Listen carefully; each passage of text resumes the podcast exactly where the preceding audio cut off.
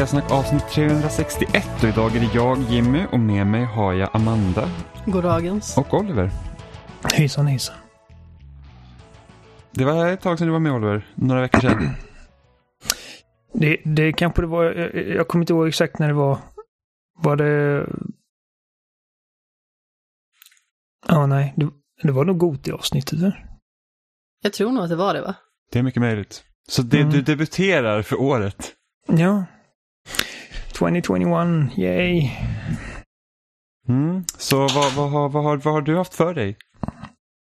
Eh, Jag har eh, jobbat, varit pappa och... eh, eh, Ja.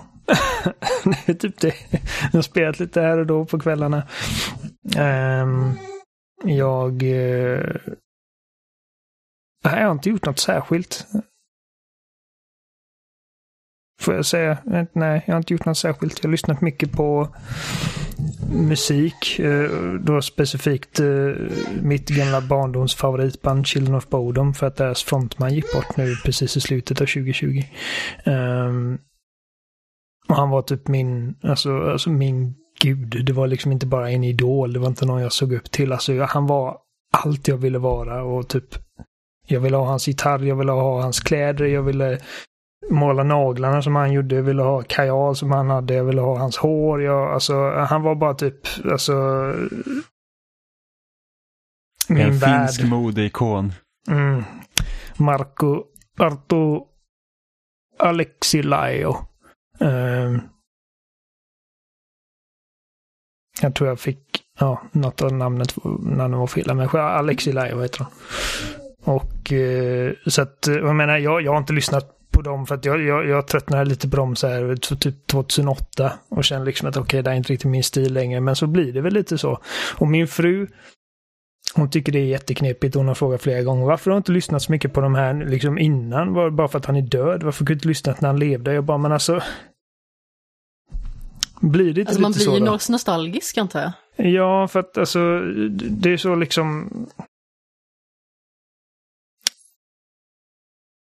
Alltså det finns så mycket annat, andra grejer, men liksom när någon som man typ liksom har liksom bedårat och högaktat så liksom under eh, väldigt liksom formativa år av sitt liv liksom går bort vid 41 års ålder. Helt, helt liksom eh, bara oväntat.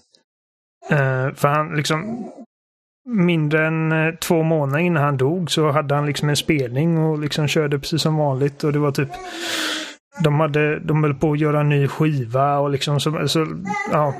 Det var bara en konstig bara, fortfarande så att jag knappt kan liksom fatta det. Och liksom det, detta, detta är givetvis en människa jag aldrig träffat. Eh, som jag inte hade någon personlig koppling till. Och liksom det, det finns väl någonting att säga om det här, liksom hur man typ håller upp människor på en pedestal. Men alltså han var liksom enormt viktig för mig, särskilt under mina tonår. Liksom den st- största liksom influensen för mitt liksom gitarrspelande och det tror jag att många kan skriva under på. Uh, han är liksom vår gen- generations Steve Vai eller Yngwie Malmsteen. Alltså en riktig liksom gitarrlegend. Och, eh, och, och när man får reda på att han dött så blir det liksom att man typ återbesöker gamla grejer och liksom typ försöker hitta tillbaka till vad man liksom förälskar sig med musiken från början. Och jag känner att jag har lyckats göra det, så det har varit jävligt kul. Ja, det är ofta så när folk dör brukar man gå tillbaka till gamla saker för att minnas. Liksom. Det är samma sak när skådespelare Ja. och sånt dör så är de, eh, eller ja, artister överlag, så de, deras filmer och musik det toppar alltid topplistorna då.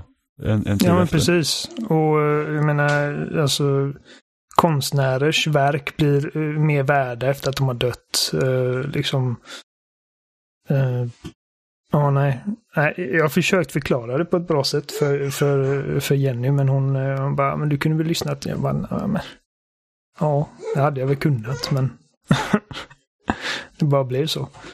Mm. Ehm, Ja, men alltså, det handlar väl i mångt och mycket om att man hade en speciell känsla när man lyssnade på det, när det begav sig. Och om man faktiskt har tröttnat på en artist, så finns det ju kanske en anledning till att man har gjort det och då söker man sig förmodligen åt andra håll. Sen när ett sånt här extremt fall inträffar, då är det inte så Mm. himla konstigt att man återgår till det man brydde sig om. Det blir ju nästan som någon form av så- intern hyllning eller vad man ska säga. Ja, för plötsligt så liksom är det typ det man tänker på. Liksom flera gånger om dagen. Och eh, ja, medan liksom de åren innan så har man liksom inte riktigt tänkt på det bandet eller honom. Liksom någonting.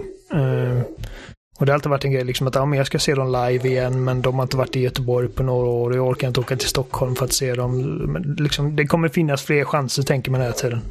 Precis som jag alltid velat ha hans eh, signaturmodell av ESP-gitarren, Sawtooth tror jag den heter. Jag, jag kommer ihåg när jag såg den i en butik när jag var 13. Och det var liksom min drömgitarr och jag, liksom, jag bara stod, jag stod i hela affären och kollade på den där i säkert en timme. Jag ville inte lämna den. Uh, men jag tänkte då också liksom, nej men fan jag är 13 år, jag har inga pengar, det kommer finnas, det finns tid liksom. Och åren gick och jag skaffade aldrig en sån gitarr och nu sitter jag och kollar på den liksom och typ man kan få en för eh, 60 000. Jag bara fuck that. Ehm, Det blir bra till medelålderskrisen sen Oliver. eller hur? Ehm, nej, nej men så att alltså, jag jag har lyssnat väldigt mycket på musik det här året. Och eh, spelat en del gamla grejer. Jag har inte spelat så mycket nya grejer. För det har inte hunnit släppa så mycket nya grejer förutom Hitman då som vi kommer att prata om här om en stund. Ja, det har inte alls kommit mycket nya saker. Jag har inte spelat ett enda nytt spel från i år. Nej. Än. Ja, men alltså, Mm. det, det är bara januari. Det är liksom... Eh, det kom... Nu, är det idag? Eh, Det, var det idag eller var det... Nej. Det är den här veckan i alla fall som The Medium kommer. Ja, precis 28 tror jag. Ja, just det. Ja. Eh, så det ska jag testa. Jag kan säga att Oliver, du var med för två avsnitt sen, så det är inte så länge sen. Det var när Nej, vi peppade inför 2021. Ja, just det. Det, det glömde jag, ja. ja. Jag också. Så Oliver gjorde sin andra debut för 2021. Och jag tror att jag fick in ett så här typ eh, Vila i Frida, Lexi Lajo precis i slutet. För jag hade tänkt nämna det, bara för att säga liksom hur mycket han betydde för mig. Sen glömde jag av det och sen så bara Jimmy liksom bara, ja, och det var allt för den här veckan. Ni hittade oss, bla bla. Så mycket betydde han för Oliver. då. Nej, Jag tänkte på alla coola spel som jag skulle spela. Mm. Ja, The Medium blir ju... Det kommer inte jag kunna spela. För det, Nej, funkar just inte det. På, det funkar inte på eh, original Xbox. Det hade jag glömt. Men eh, något som blir utannonserat att komma i alla fall till förra generationens konsoler det är ju Resident Evil 8 som hade liksom Capcom körde sitt showcase i veckan. Mm. Förra veckan blir det nu. Och, och jag måste säga så här att även om jag gillar Resident Evil och jag gillar Resident Evil 7 så har jag ändå inte varit så här känt någon enorm pepp över Resident Evil 8. För att det är så att ja, men det är ett Resident Evil och det kommer. Men jag måste säga att efter den här trailern, alltså det såg riktigt jäkla bra ut. Det ser så jävla bra ut. Va? Alltså, de, de tar verkligen liksom... Eh, de går verkligen på liksom sista växeln med alla konstiga personligheter och grejer. Eh, som Resident Evil är liksom många gånger är kända för. Jag vill bara säga det förresten, ni som lyssnar. Alltså ifall ni hör eh, min son, han har varit lite högljudd idag.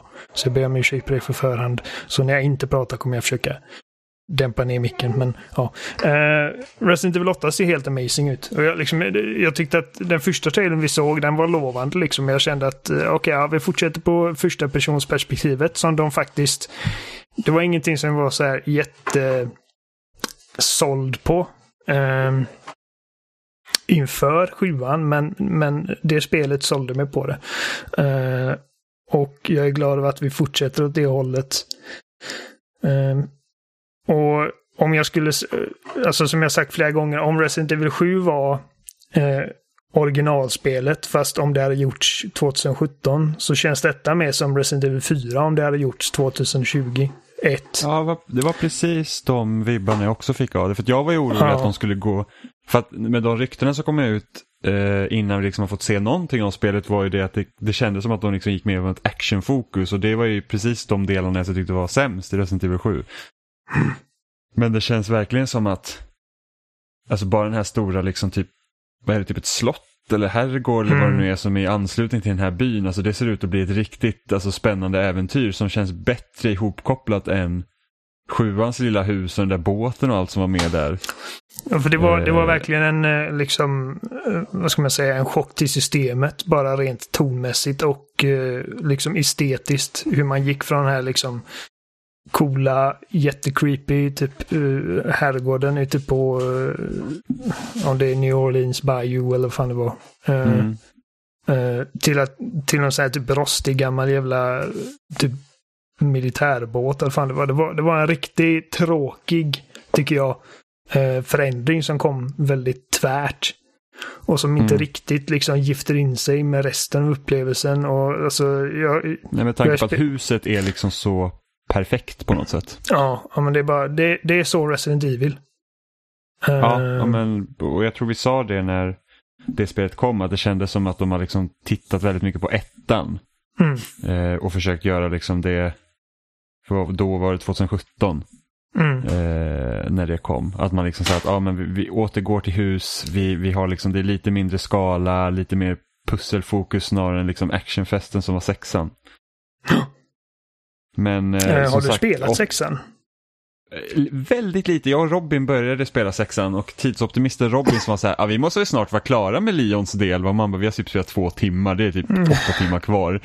det liksom, och sen har vi Mm. Det- två kampanjer till. Det får man ge Eh. det spelet därför att det är mycket innehåll alltså. Ja, men det, alltså det, Eh, det, det, det tar inte tag i en direkt. Det är liksom alldeles Nej, för verkligen inte. Eh, alltså den första inledande 20 minuterna är verkligen usla. Alltså. Och, och, alltså jag tycker att Leon-delen är den bästa delen av, av det paketet. Men eh, alltså och jag vet att det spelet har sina försvarare. Eh, för att det har, det har ett väldigt liksom spännande actionmekaniskt djup.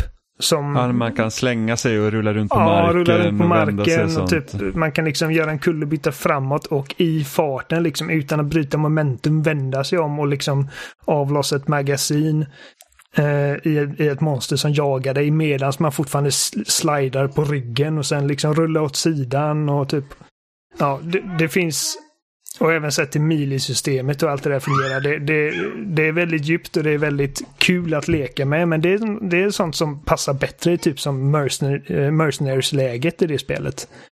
Ja. Eh, än att liksom ehm, försöka få in det i... För att det, det är liksom en viss känsla man vill få när man spelar ett Resident Evil-spel och uh, sjuan levererar det. Jag tycker remaken av tvåan levererar det också. Och trean i, liksom i visst i viss omfattning också. Ehm, och, sexan gjorde inte det. Det är liksom, eh, det är Michael Bay explosionsfest. Ja men det kom ju precis också i toppen av när de flesta spel var liksom, det var shooters som var Mm. linjära.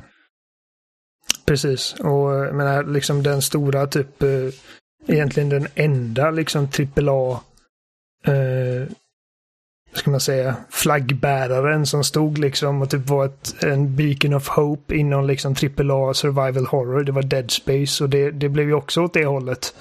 Ja, Eh, jag menar, liksom, redan i tvåan började de liksom eh, leka med med det action-tempot. Eh, men, i, men i trean, liksom, jag kommer ihåg de marknadsför det som att oh, there's a big fucking drill, liksom. och det bara, ja. Eh, Co-op and action and, uh, ja. Så att, Uh, och jag tittade faktiskt på uh, utannonseringen av Resident Evil 7.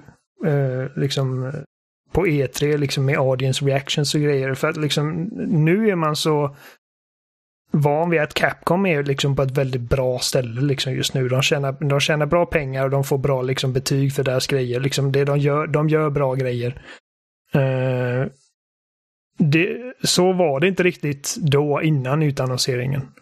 Um, så att jag tror inte det var många som förväntade sig liksom att man skulle få se den här trailern på någon som går runt i det där liksom typ äckliga huset. Det är helt kolsvart och det ser mer ut som någonting typ som Outlast utmanar någonting och sen så kommer liksom titelkortet Resident Evil upp och alla bara oh my god liksom det är typ tillbaka. Um, Nej, så att eh, redan, redan vid eh, liksom första utannonseringstrailern av åttan så var jag liksom pepp. Det, det har jag för mig att jag... Jag tror jag satte det spelet på... Eh, ja, vi slängde in det på topp 10 på våra mest efterlängtade. Jag tror det. Och jag... Då så skulle jag nog säga att jag var, jag var väl den som av oss var mest sugen på det. Men liksom efter den här visningen så Ehm, vi fick några grejer bekräftade som liksom jag vill ha. Som exempelvis uh, att uh, inventoriesystemet från Resident Evil 4 är tillbaka. Uh, det ser inte exakt likadant ut men liksom i, i, i utförandet så är det precis vad det är. Och jag tycker fortfarande att det är liksom den genrens bästa inventoriesystem. Uh, det blir liksom som ett eget litet så här, typ minigame att hela tiden uh, ha så, så liksom bra med plats och eh, sorterat och eh, ja, efficient som möjligt. Och speciellt om man går då efter liksom, om man, om man då åttan tar från sjuan, att du hade inte så jäkla mycket ammo heller. Det var ju liksom, alltså, så missade du skott så, så kändes det ju surt. Och det är väl, det jag hoppas ju. de behåller det. För att jag vet att när jag spelade Resident Evil 4 så, det var sällan du hade brist på ammo. Det fanns ju ganska gott om det. Eh, mm. Så jag hoppas ändå att det liksom blir så här att nu kan man i och för sig crafta ammo och sånt men jag antar att ingredienser och sånt är sånt man får väga. Om det är värt eller inte. Ja, men ifall du står där och inte har några health kits och inte några... Så att du, du måste ju väga, ska jag, ska jag lägga detta på health kit eller ammo eller vad det nu kan vara. Ja. Så att det, det, ska faktiskt bli väldigt spännande. Så får man ju se då hur de funkar på eh, den här gamla generationens konsoler då om man inte har lyckats få tag i en ny konsol. Alltså gre grejen är att jag tycker att liksom allting som har körts i RE Engine har bara kört som en dröm. Liksom på, eh, på Xbox eh, One X och PS4 Pro. Uh, så och men jag tycker fortfarande Resident Evil 7 ser riktigt jävla bra ut. Um, oh, jo, men det, det, det, frågan är hur mycket ambitionsnivån för 8 har höjt så gör att det kommer köra, alltså bli svårare att köra dem på de äldre konsolerna.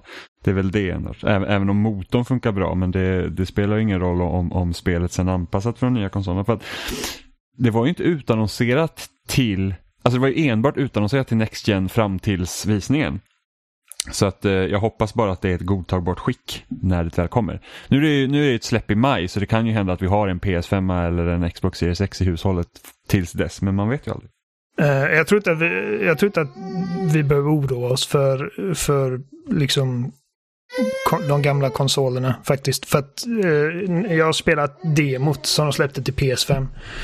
Och det, det ser inte liksom sju mila kliv bättre ut än eh, Resident Evil 7 exempelvis. Och eh, jag tror inte de har snackat någonting om att det ska vara ray tracing eller sådana grejer. Så att jag kan tänka mig att det kanske blir att det inte blir liksom native 4K.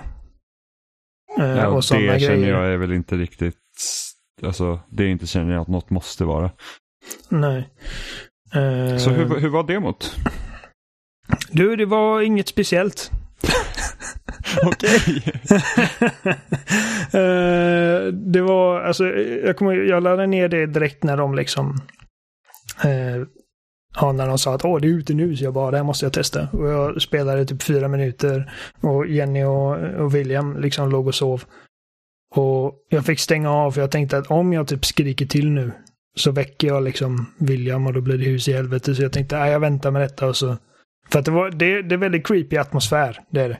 Mm. Uh, så när då jag spelar man liksom med någon som är fast i det där slottet? Precis. Uh, jag antar att du, du är något hembiträde eller någonting. Uh, som, jag vet inte, inte har vikt tvätten ordentligt och blivit slängt ner i liksom the dungeon.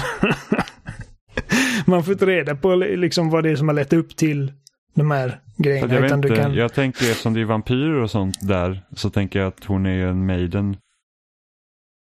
på grund av det. Och inte en... Jag vet inte. alltså jag, jag antar att namnet på demot anspelar väl på liksom vampyrgrejen. Vad är vampyrgrejen? Hon stora jättekvinnan och hennes systrar. Ja, jo jag vet, men alltså... Vad, De är vampyrer och demot heter Maiden och vampyrer gillar blod från oskulder. Ja, ja, precis. Ja. Alltså, det heter inte Maid. Så att, Nej, ja, Nej, jag, precis, vet, jag var lite förvirrad där. Jag bara, Eh. är, det, är det liksom fastslaget att hon är ett hembiträde? Nej, alltså det, det är för att jag, man hittar sådana här typ eh, dagböcker och grejer från andra människor som har hamnat där. Det var någon som sa typ att eh, ja, de, jag öppnade gardinerna och de blev helt galna. Bara stäng det igen. Så det var därför jag drog den slutsatsen att man har typ varit någon hemhjälp eller någonting. Jag, jag har ingen aning. Ehm, man har fått reda på liksom vem man är, vad man heter, vad man har gjort för att hamna där nere. Ehm, Nej, man är bara där. Ja, och... eh, Typ första sa man är bara någonstans och så bara helvete. Typ. Eh, så du är en ju fängelsehåla och du ska liksom eh, ta dig ut därifrån. Och det involverar och liksom... Men alltså det finns egentligen ingenting att spoila för att det händer nästan ingenting. Det involverar att du ska hitta nycklar. till två eller tre dörrar och sen är det över. Så det är inga fiender du behöver akta dig för. Det är inga...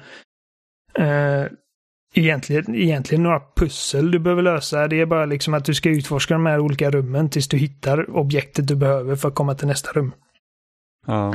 Eh, och eh, först så är det liksom att ja, du behöver en lockpick och då kan du eh, öppna dörren som leder ut till eh, det här, eh, den här stora foajén som vi har sett med den stora takkronan och det här liksom sk- skitvackra liksom gammaldags. Ja, det, det, snyggt är det.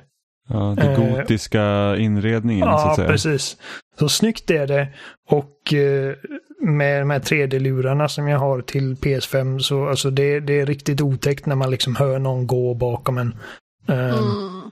Eller att liksom en dörr stängs till höger om dig. Ehm,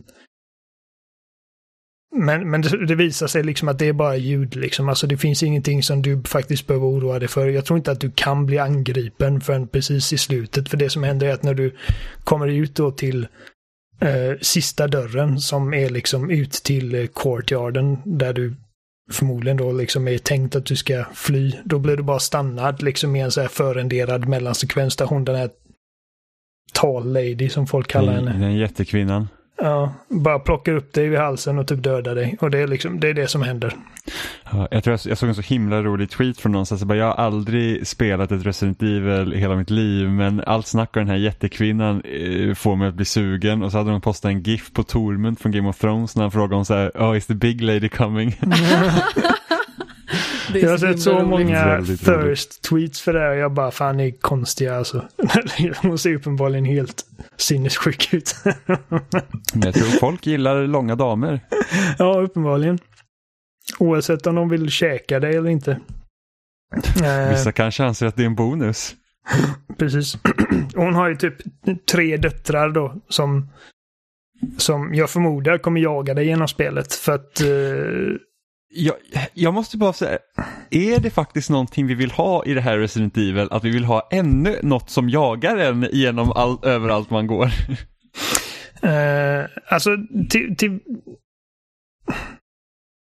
Jag vet inte, alltså till viss del så känner jag ifall det inte blir överanvänt. Uh, jag vet att, alltså jag känner flera, flera, ett par, en handfull människor som bara slutar att spela Resident Evil 2 så fort Mr X kom in i bilden. Också känd som Adam. Adam ja. Ja. Och eh, jag tror min lillebror bara, nej, Ja, okej. det, det är stopp där. Ehm, för att det, Det blir blir liksom inget för... Alien Isolation för mig. Alien Isolation är jättebra. Ja, det är det. Vi, borde, vi kanske ska spela tillsammans någon gång så får du se detta mästerverk. Och det som är bra med Alien Isolation är att man känner sig jagad även när man inte är jagad. Jag vet inte om jag skulle Eh. definiera det som något bra. Och det, är, det är det, helt, är det helt fantastiskt. Hur fan bra Eh. det spelet är. Men alltså Men jag är så det är himla feg. Jag spelade ju Resident Evil 7 i typ en, vad kan det varit, en halvtimme eller någonting sånt. Och jag höll på att skita knäck var femte minut. Men det är det man vill när man spelar skräck. Nej, men jag är inte Ja. bra på att spela skräck, okej? Ingen är bra på att spela skräck. Ni kan typ, Det finns ni kan göra som grader. så här, Ni kan göra som så här att ni liksom turas om typ. Eh, att du börjar och när du känner att det är för mycket så kan Jimmy ta över och så... Och spela Ser du resten vad- av spelet medan jag sitter bakom en kudde. Amanda trycker på startknappen i menyn och bara nej, nej, nej. Nej men jag är fan lättskrämd också. Nu hettar är det bara till här. jag- Ja, ja vi, jag- vi såg när Oliver spelade PT hemma hos mig. Ja. Och eh, alltså jag har nog aldrig sett en människa vara så djupt olycklig någonsin. Nej, nej, jag, jag, Alltså, jag vi fick fick liksom, det, var typ, det, var- det var ju verkligen så här att vi måste verkligen sluta för att han mår psykiskt dåligt. Alltså jag tror att mig. mitt skrik ekar fortfarande i Härads bygdegård efter att jag försökte spela PT där. Jag skrek ett skrik som var liksom så otroligt högt att alla blev rädda inne i lokalen. Vi har en Let's Play på Spelsnacks YouTube-kanal när Emma sitter och spelar PT. Hon skrek på mamma. Så att, Mamma. ja, hon var, det, det är så kul, man ser något borta i korridoren och så ser man Emma peka ut och sen så helt plötsligt hör man bara ett så här, "Wah! Mamma! Och karaktären går till höger. Så att, eh, ja. uh, nej, men jag är också lättskrämd. Det- Alltså det, PT är nog den enda gången som jag bara, nej, nej, jag klarar inte av det. För att jag liksom blir fysiskt dålig av det. Uh, men jag, alltså jag minns när jag spelade Resident Evil 7 första gången, liksom att jag fick ta det i etapper. Liksom. Jag fick ta pauser. Jag fick, alltså bokstavligen pausa spelet några gånger och bara liksom andas lite och samla upp modet liksom för att typ ta mig igenom nästa dörr. Ehm, men som sagt, det är det man vill ha. Det, ska vara, det är kul. Mm. Eh, Jag, tror att, jag tror att när jag spelade första Dead Space då behövde jag ta det i etapper. Så jag körde typ ett kapitel i taget för att jag pallade inte mer.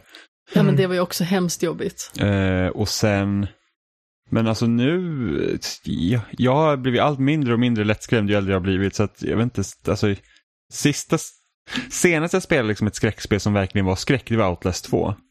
Mm. Och det, det körde jag nog igenom eh, ganska rappt ändå, det var skitbra. Jag tror att det värsta jag var med om i Dead Space, det är när man blir inlåst i det där rummet och sedan så återgenererar ju monstret sina lemmar. Och jag visste inte vad jag skulle göra så jag var fast där inne i en evighet innan jag förstod Ja. att man skulle öppna dörren. Och man, Man kan och inte öppna dörren sig- först heller. Just det, Nej, så är det. man ska finns frysa ner den även tror jag. Ja, för det finns en Mm. eh, Spelradion eh, som är en gammal svensk podcast. Där, där var det en, de hade en gäst som inte jag minns vad han heter nu. Men han var från Gotland, så att det gjorde det hela extra lite roligt när han har gotländsk dialekt och han berättade om sin upplevelse när han var fast med den här eh, genererande monstret i, eh, i Dead Space. Och liksom så här, han bara, ska man gå dit och öppna dörren? Och sen så säger han, nej det funkar inte. Alltså han fick ju sån panik. Så det, det, var, det var ganska kul. Man känner sig Eh, mallig för man skjuter av benen så krä, krälar den och man bara, ah, vad, Ja, vad, kan det du, vad ska du göra nu då? Det är ju absolut det värsta i Resident Evil 4 när man kommer till Regenerators och skjuter av benen på dem och de blir ännu snabbare. Det är verkligen ett stort Ja. fuck you. När man liksom, Verkligen. haha vad smart jag är. Och sen spelet bara, nö. Eh, Lemlästa monstren så här, vad fan håller du på med? Kommer man straffas för det. Ja, ja, men så missar man i alla fall ingenting då om man inte spelar eh, demot till Resident Nej, Evil 8. det här, är, det här har ingenting, alltså de sa ju det att det, detta är inte taget från någon del av spelet, det är liksom en separat grej. Nej, det är mest liksom, bara för att se, så här ser det ut typ. Ja, alltså detta Ja. är miljöerna du kommer liksom vara i, detta är tonen vi går för. Och på det, på det sättet är jag väldigt nöjd. Det är bara liksom att den typ 10 minuters demo jag spelade där man inte får göra någonting annat än att liksom plocka lockpicks och hitta någon nyckel och öppna en dörr. Liksom inga pussel, inga encounters med något som är farligt. De lurar dig ibland för att ibland liksom man kommer tillbaka till den här stora foajén och så ser man att det är någon som går upp för trappan men den är ju liksom skriptad till att göra det. Det finns ingenting du kan göra för att den ska liksom gå på dig. Eh, på din fråga om ifall vi vill ha det att någon jagar en. Alltså jag känner liksom ifall det, om det funkar typ som Jack gjorde i första spelet där han jagade under liksom en viss del av spelet. fy fan. Eh, det är creepy som fan, det är effektivt. Men det är liksom, det är inte genom hela spelet. Och det är inte liksom lika länge som Mr X efter det heller. Eh, Nej. Plus att Nej, Mr X har i princip inga gränser. Han går in överallt medan Ja. Jack håller sig till liksom det här stora. Eh, Men om de är tre stycken lär de väl dyka upp vid olika tidpunkter i spelet Säkert. och jaga dig. Ja, men jag, jag skulle Eh. gissa, gissa på att de tre kommer vara varsin boss, förmodligen. Ja, förmodligen. Eh, Och kanske typ Och det- definiera varsin tredjedel eller vad det nu kan bli. Och det är en sån Ja. grej, för de ser typ identiska ut, så jag undrar liksom vad de kan göra för intressanta grejer med dem. Och, och, och jag känner att de inte är lika läskiga som Jack var, eller Mr X var. Eh, för Nej, att- men det är så här, Mr X han är bara någon så här grå, stor liksom koloss som helt plötsligt dyker upp från ingenstans. Man fattar ju ingenting. Och, och, och Mr... nej, jag menar Jack han är ju liksom så mänsklig att det är det som gör det obehagligt. För att han är ju liksom Mm. en människa som liksom bara ut helt som en vanlig bara... sydstatare. Bara. Ja, som kommer liksom... You're som gonna kommer get som it now jäkla boy. Så att, eh, Medan och de här liksom är jävla liksom jätte, typ, eh, alltså de är jätteuppklädda och liksom de har typ tjockt smink och det är typ blod ur mungiporna. Och de typ teleporterar sig fram, de liksom eh, manifesterar sig som Ja, de- en insektssvärm typ. Ja, det är nästan den här Dracula-grejen, du vet, han har blivit Ja. moln av fladdermöss. Precis. Jag tänker att så, de typ så här vibrerar fram. Vibrerar fram, ja. så att de, alltså i demon så dyker en av dem upp precis i slutet innan man liksom dör. Eh, och eh, i och med att de kommer som en insektssvärm först så hinner man liksom reagera. Liksom. Alltså, det är inte så att de hoppar upp i ansiktet på dig och skrämmer skiten ur dig. Eh, så att liksom, ja, nej. Det blir lite som eh, kanske eh, alltså Mr X steg, att man hör att han är på gång. Ja, och precis. så hör nu, man kanske ja, någon svärm. nu kommer liksom, och insekterna, shit. nu är det dags att springa. Ja. Men ja, så vi får se. Alltså, den här familjen som bor i det här slottet är inte alls lika äcklig som Jack, Marguerite och ja, Lucas är inte så jävla läskig. Men Marguerite och Jack är asäckliga. Um, Men jag Ja, men älskar liksom estetiken och jag är jättenöjd över att de har mer liksom in, involverad uh, vapenuppgradering för att det är liksom det är en av de mest tillfredsställande grejerna i Resident Evil 4, liksom när du lägger pengar på att upp, eh, uppgradera din rate of fire, din magasinstorlek, din skada och sånt. Det hade När man, man inte köper riktigt. sig fri från rädsla. Ja, ja men det, du har liksom någonting att, eh, jobba dig mot. För att Mm. i vapenuppgraderingen i Resident Evil 4 är ganska simplistisk. Du liksom har eh, en pistol och eh, en shotgun som du kan använda en upgrade pack på så blir de lite bättre liksom. Men det uh, djupare än så går det inte. Mm. Ehm, nej, så jag, jag ser väldigt mycket fram emot det. Ja. Vad är det Jimmy? Amanda rapade lite nyss. Nej, nej, nej, nej, det gjorde jag inte. Hon gjorde något munljud i alla fall och så började vi båda skratta och därför försökte jag hålla mig. Så hoppades jag att du skulle ha Mm. pratat lite längre. Men alltså, grejen var att jag var tvungen att rotera ut min rygg. För jag har lite ont typ från ländryggen ner till sätet och runt i Det kom en höftböjaren. liten fis. Så jag roterade och eh, så kom ett litet ljud av smärta. Som inte var en rap eller fis. Mhm. Men sluta! Okej. Okej, Jag Amanda. vet att Oliver lät också superskeptisk. Ja. Okej. Men ni vet att mina rapar är monstruösa. Ja, det Just det. men kul. Ja, men jag ska, tror du att Resident Evil 8 kommer ut i maj? Uh, alltså jag har lärt mig att inte, alltså jag tror det, jag tror det. Men, men alltså det, det skulle inte alls förvåna mig om något spel, alltså om alla spel skjuts upp minst en gång i år liksom. Alltså det är... eh, Det, det var väl Last of Us 2 när Sony hade den här stora konferensen om releasedatumet och sen typ en eller två Mm. dagar efter så sköt de upp det. en vecka, det en på, vecka? på Ja. dagen var det. Eh, som de sa, äh, vi hinner inte. Det var ganska kul. Jag har kollat tillbaka på de här förseningarna för Cyberpunk också för att det skulle ju komma...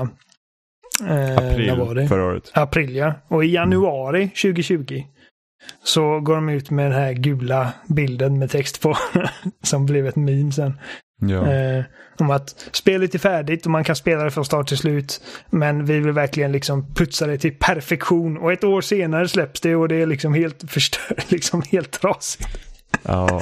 Det slog Så- över, det var så perfekt så att det blev skit. Precis, de bara, Ja. nej, nej, det är inte rättvist mot alla andra utvecklare om det ska se ut så här bra. Vi måste skita ner det lite. Nej, precis. Jag ska Eh, bara är tillägga att jag tycker inte att Cyberpunk är helt skit. Nej, det var alltså, skoj. jag, jag, jag gillar spelet så sett. Eh, Jag också. Mm, Det- alltså, tänk, alltså, det, det hade varit så mycket bättre om de faktiskt hade gjort klart det.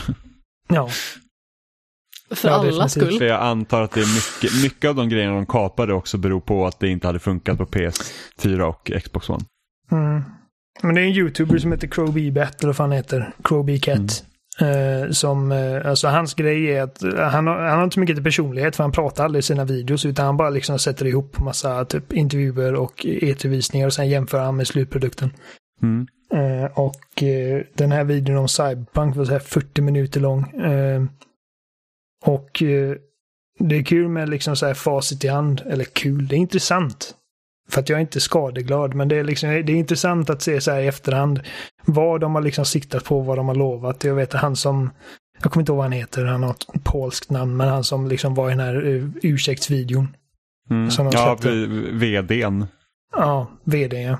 Eh, han sa liksom att vi, detta kommer bli liksom det mest levande, involverande, liksom öppna världen i ett spel som någonsin sett. Vi kommer höja ribban på detta och detta viset. Alla de här eh, NPCerna har sina egna liv och liksom aktiviteter som de går igenom, eh, typ oberoende av spelaren. Eh, ditten och datten. Jag bara, så, så är det ju verkligen inte. Och jag förstår liksom att, jag förstår att eh, det var ju ambitionen. Mm. Liksom.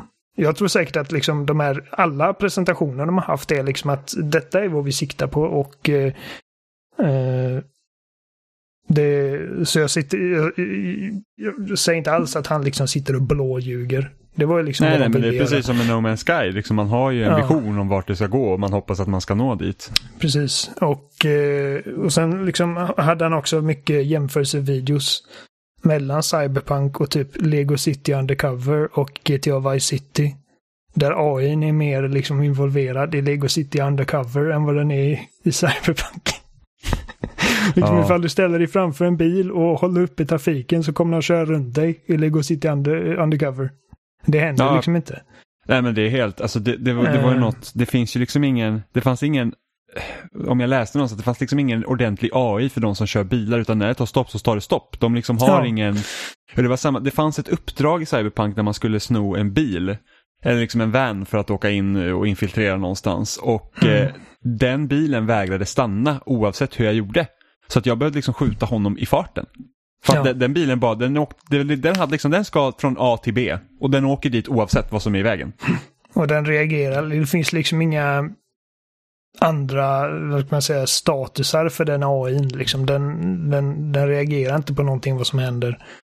Mm. Eh, och det, liksom man såg typ eh, hur de gjorde i, jag tror det var i San Andreas. Att om man slog en NPC på gatan och så börjar han liksom slå tillbaka och så springer man till eh, polisstationen där det står två poliser.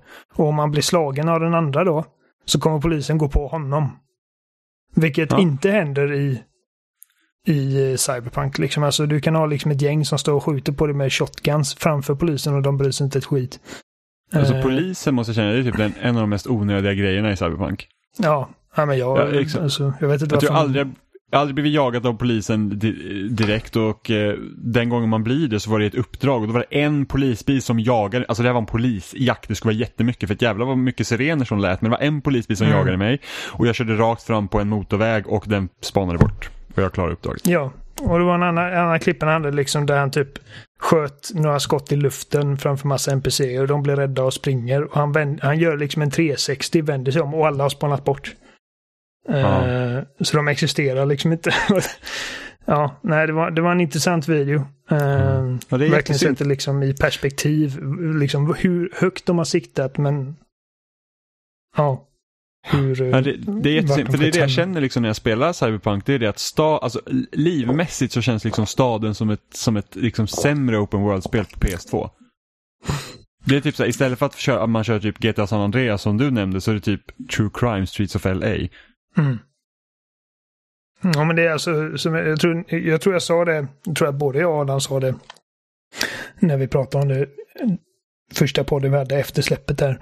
Var att både jag och Adam liksom trivdes väldigt bra i staden för att dels så liksom är den väldigt snyggt designad och jag tror att jag hade något exempel där det var typ någon AI som eh, hamnade i bråk och liksom och det hände någon gång, men liksom jag kan inte komma på så här nu i efterhand att det hände igen. Och eh, det, liksom, det blir så att när man verkligen, liksom, verkligen testar gränserna så ser man ju ganska snabbt eh, vart gränserna ligger.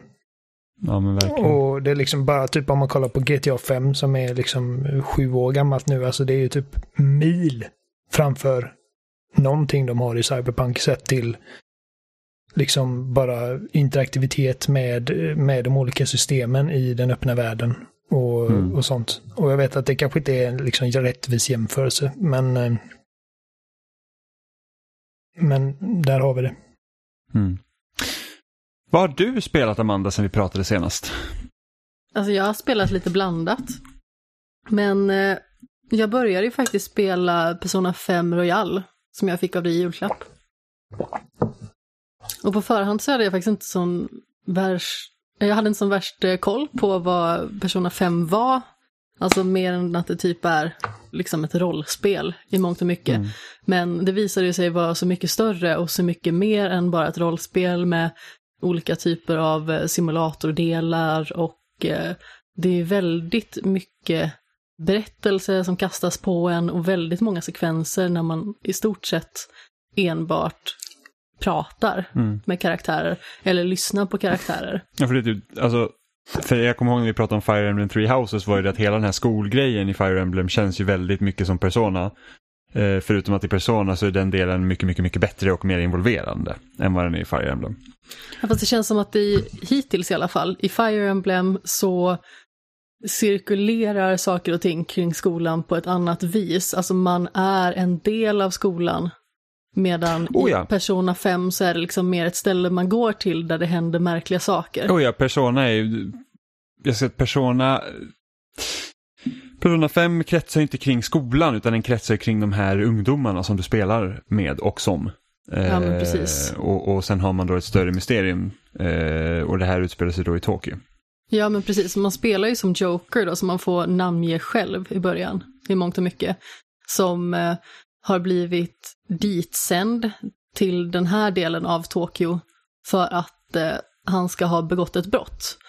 Vilket eh, man skulle kunna säga är inte riktigt hela sanningen för att han agerade eh, för att skydda en annan person som blev antastad helt enkelt.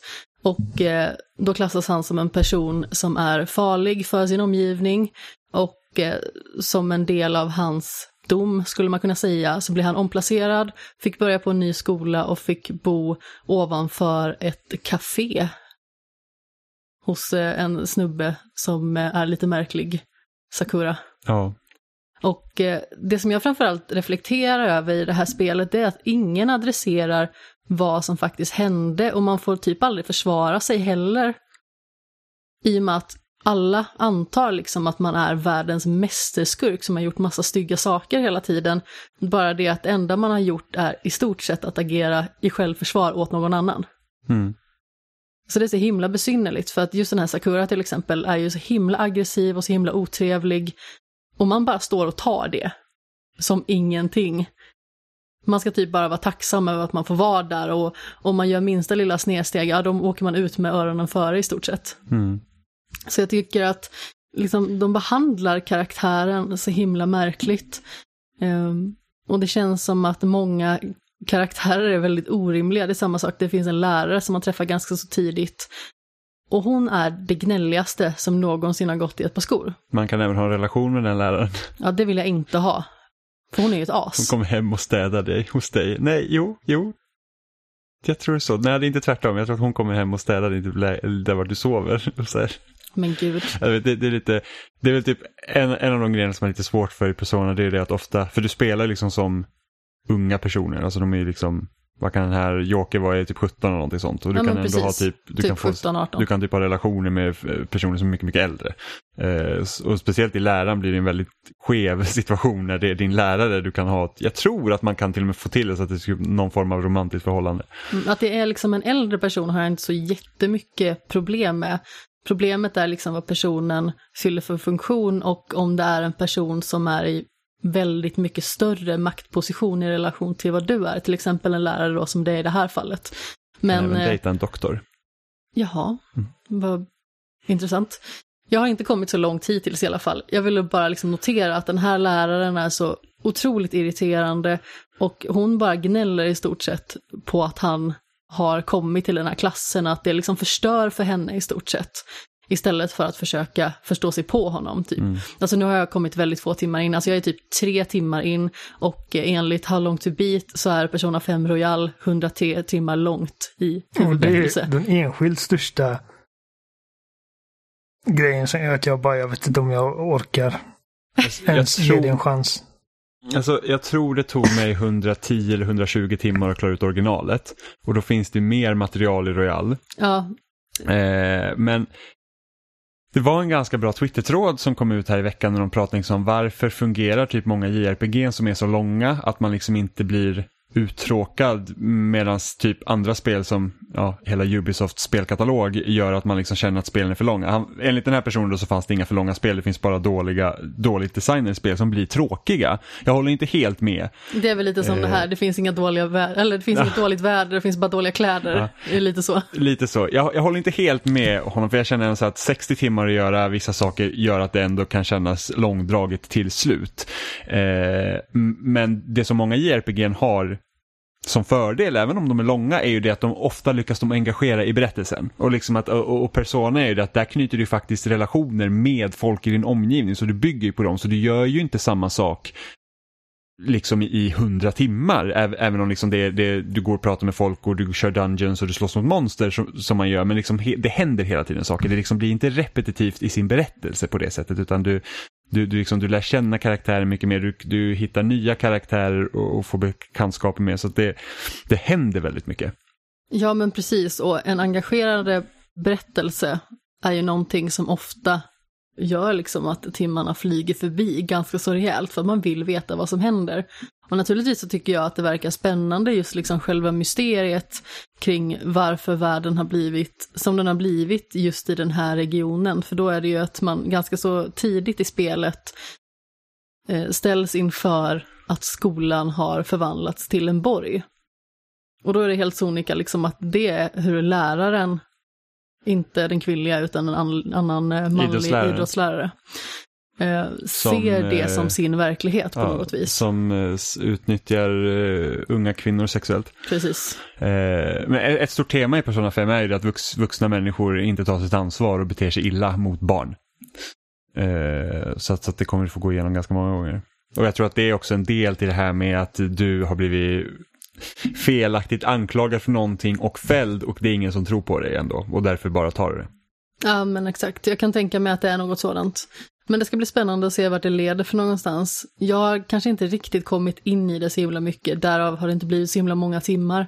Men jag eh, kommer att försöka att eh, plöja det så gott, jag går, eller så gott jag kan. Men min tanke är också att jag ska ha något lite mindre spel vid sidan om, som kanske inte är så berättelsetungt eller sådär. Bara för att liksom kunna ha någonting att bara avlasta hjärnan på. Jag är ändå fascinerad över att du behöver ha ett mindre spel. Ofta om jag spelar något spel som är ganska storytyngt, då är det så att då är jag all in. Mm, Det är, ja, jag, jag kan inte slita mig nästan. Ja, men jag har inte riktigt kommit in så Nej. långt i spelet heller. Så jag antar att det är så jag känner just nu. Mm. Men vi får se hur det blir. Jag har ju spelat ett annat spel som är lite mindre, men jag har spelat det desto mer. Jag vet inte om du hade gillat Persona så mycket Oliver. Alltså, nej, ja, alltså, när, när man har PS Plus och, på, och en PS5 så har man det här Playstation Plus Collection och det Ja. ingår där. Så att det är liksom, jag har Alltså, det. du- Men det är också så att jag skulle inte bara kunna säga till dig, jag spelar i två timmar och se om du Nej. gillar det eller inte. För att det, är liksom, det kräver nog nästan att du spelar i alla fall fem timmar för att se om du gillar det eller inte. Är minst är- kanske tio timmar. Ja, ja men precis, kanske till och med tio timmar och så att, att, Kanske till och med begära, 15. att begära tio timmar från någonting som man kanske inte gillar, det är lite starkt tycker jag. Mm. Eh, Ja, fast samtidigt så är det så att det är ju i mångt och mycket en tiondel Jo, jo, av jo men, huvudberättelsen. men ändå, jag skulle inte säga så att, så bara, ja, men jag, jag tror inte att jag är så förtjust i rollspel och eh, anime-grejer är inte riktigt min grej. Så bara, nej men spela här i tio timmar så får vi se om du gillar det. Det är, liksom, tio, det är ändå tio timmar av ens Ja, men liv. alltså, tröttnar man så tröttnar Jo. man. Men alltså eftersom det finns på den här PS Plus Collection-grejen Oliver så borde du definitivt testa det. Ja, Eh, alltså, jag menar. Du kanske skada. fastnar jättemycket. Det, det, för, att- för att det, det är, ja, ä- även om det är omgångsbaserade strider så är de är faktiskt jävligt roliga när man får kläm på dem. Och de är Rent inte så invecklade. stilistiskt är det ju De är helt... inte så... De är inte så, Stilistiskt är det snyggt. Eh, de är inte så invecklade att ta det typ 30 timmar för att lära striderna utan man kommer in i det ganska fort. Ja, okej. Alltså systemet är ju väldigt lätt. Mm. Det är sen när man Ja. börjar skapa egna kort och grejer, det, det blir liksom eh, svårare. Och man måste få nya personas och grejer. Det tog mig eh, liksom en stund att komma in i det turbaserade systemet i Knights of the Old Republic. Men där är ju liksom fördelen med att liksom, åh, det är Star Wars liksom. Jag vill lära mig. Eh, Mm. Men ja, alltså, jag kan ju testa det, herregud. I värsta fall så, så spelar jag det vidare bara. Mm. Jag, tycker fort, jag, jag, förstår heller inte att du liksom helt och hållet svalnade på Yakuza när, när sjuan var, är eh, omgångsbaserad. Uh, ja, nej, nej, men det, det, det gjorde mig bara, nej. Jag fattar, alltså jag, jag är så, det gjorde mig så taggad så att jag håller på att arbeta mig upp igen. Jag, för, för att det var så här att det känns som en så helt galen grej att man går från ett spel som i princip är liksom en street brawler till att helt plötsligt bara att nu är det liksom ett rollspel. Det, det, det liksom... snarare vara tvärtom. Att man tar ett turordningsbaserat spel och sedan och gör, gör man mer, mer actionbetonat ja, bara för att göra det mer tillgängligt. Men det är bara att jag vill inte spela Like a Dragon utan att spela andra Yakuza-spelen så att jag, jag, jag är klar med tvåan nu så att jag arbetar mig upp. Eh... Hur var tvåan? Jag gillade tvåan väldigt mycket. Mm. Eh, för jag det, tror att det är det jag... jag ska köra också. Ja, jag tror att jag gillade berättelsen i Kiwami 1 mer, men det är bara för att Zero och Kiwami är så ihopkopplade eh, att de känns mm. nästan som en samma story. Eh, tvåan fortsätter förvisso på ettan, men liksom många av dem, alltså det som händer i ettan gör ju liksom att den delen är liksom avslutad mer eller mindre och det här börjar liksom nästan på något nytt, men alltså det var fortfarande skitbra. Jag, jag verkligen alltså jag, jag var helt fast i det där. Det var jättespännande. Eh, ja, och det, det var liksom, oh, det, det, var så spännande på slutet att man bara såhär, wow, vad är det som pågår? Eh, så att eh, ja, jag var väldigt bra. Så att nu kommer ju, Remastered Collection kommer ju på eh, torsdag till Xbox med 3 4 och 5 på Game Pass. Så att eh, då blir det att mm. fortsätta min resa. Får se om jag börjar trean på en gång. Det... Sjuka med, sjuka med Yakuza är liksom att det kan gå från liksom de mest, alltså bara sjuka jävla sidouppdrag. Typ om att man ska typ stänga ner någon så här typ trosförsäljningsgrej.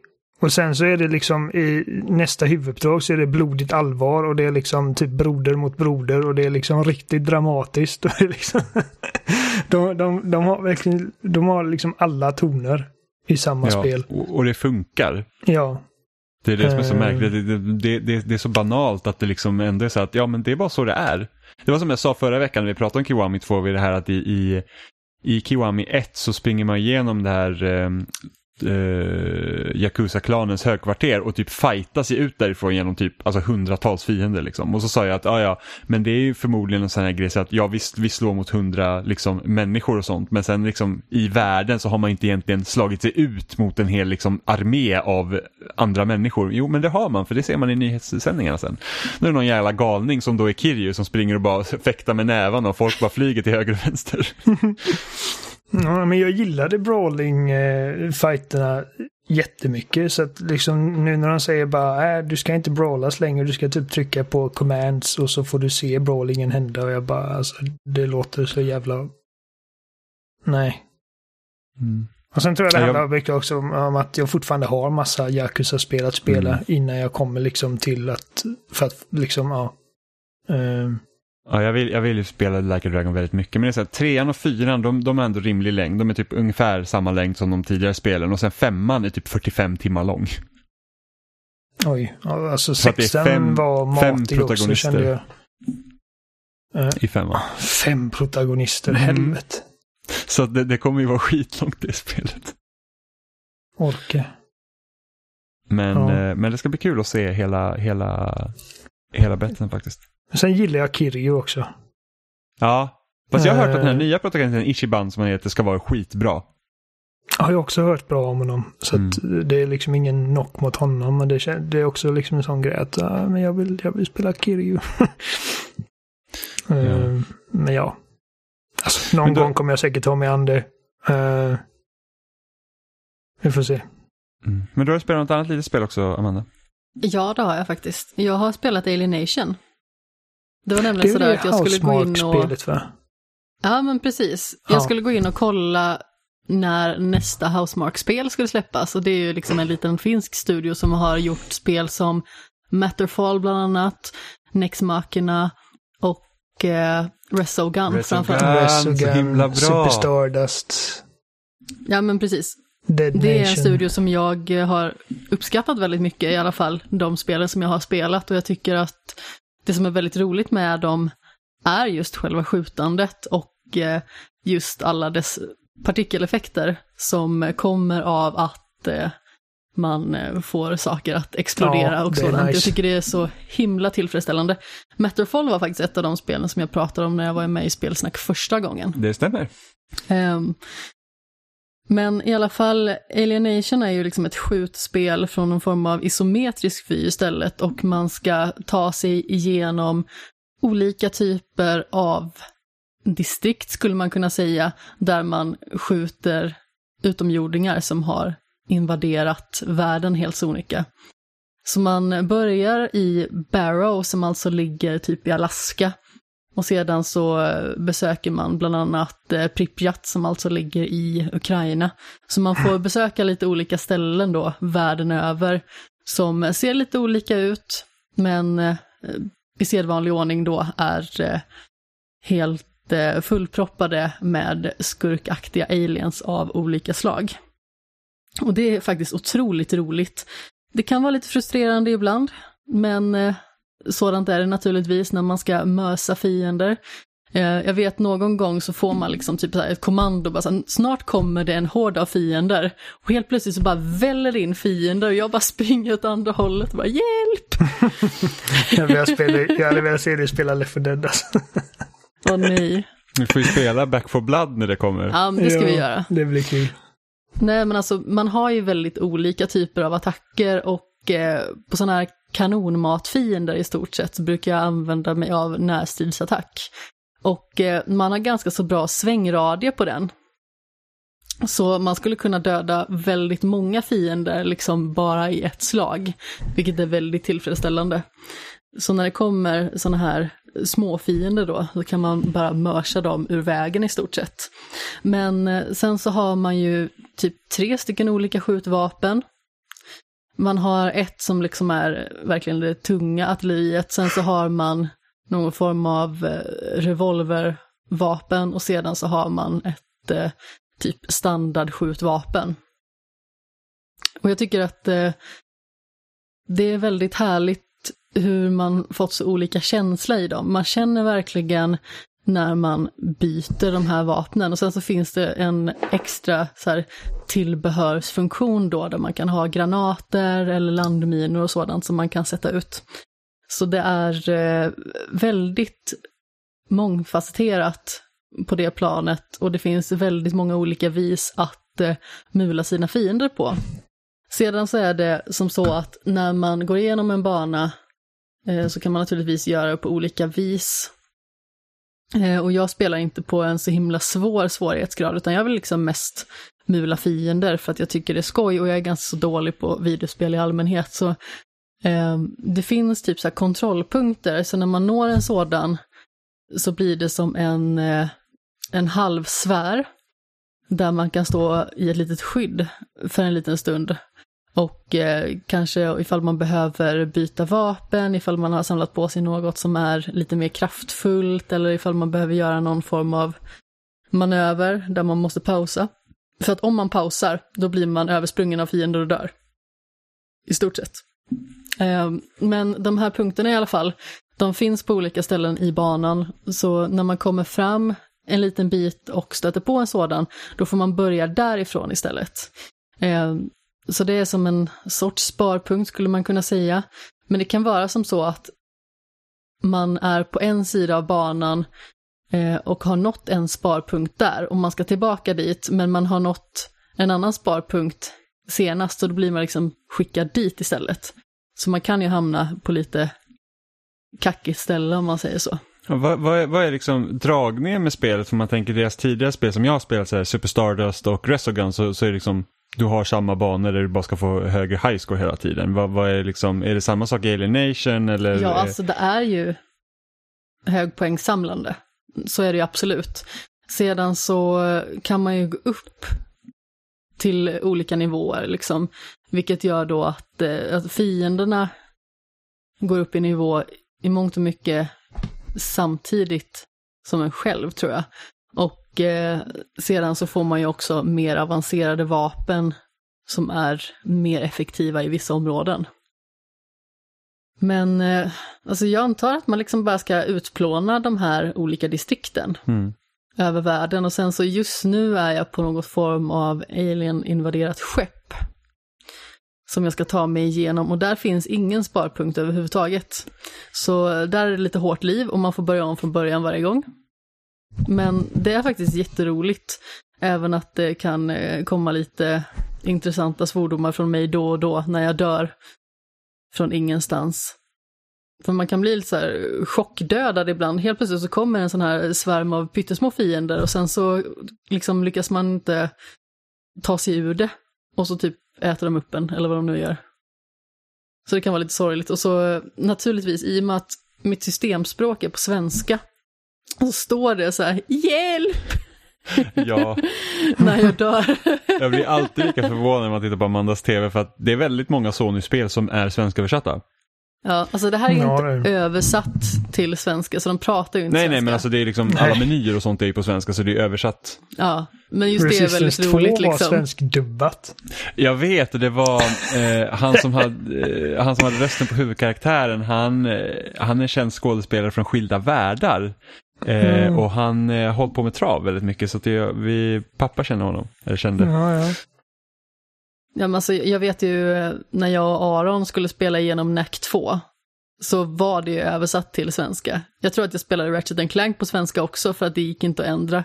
För att det justeras automatiskt. Det är verkligen det värsta när spelen bara säger, ah det här är ditt systemspråk så nu ska mitt, spel vara så Ja. här hela tiden. Ja. Jag tror det värsta jag varit med om det var när jag spelade Viva Pinata och det typ den som ska hjälpa en att ta sig igenom det spelet, det är Ash Ketchum.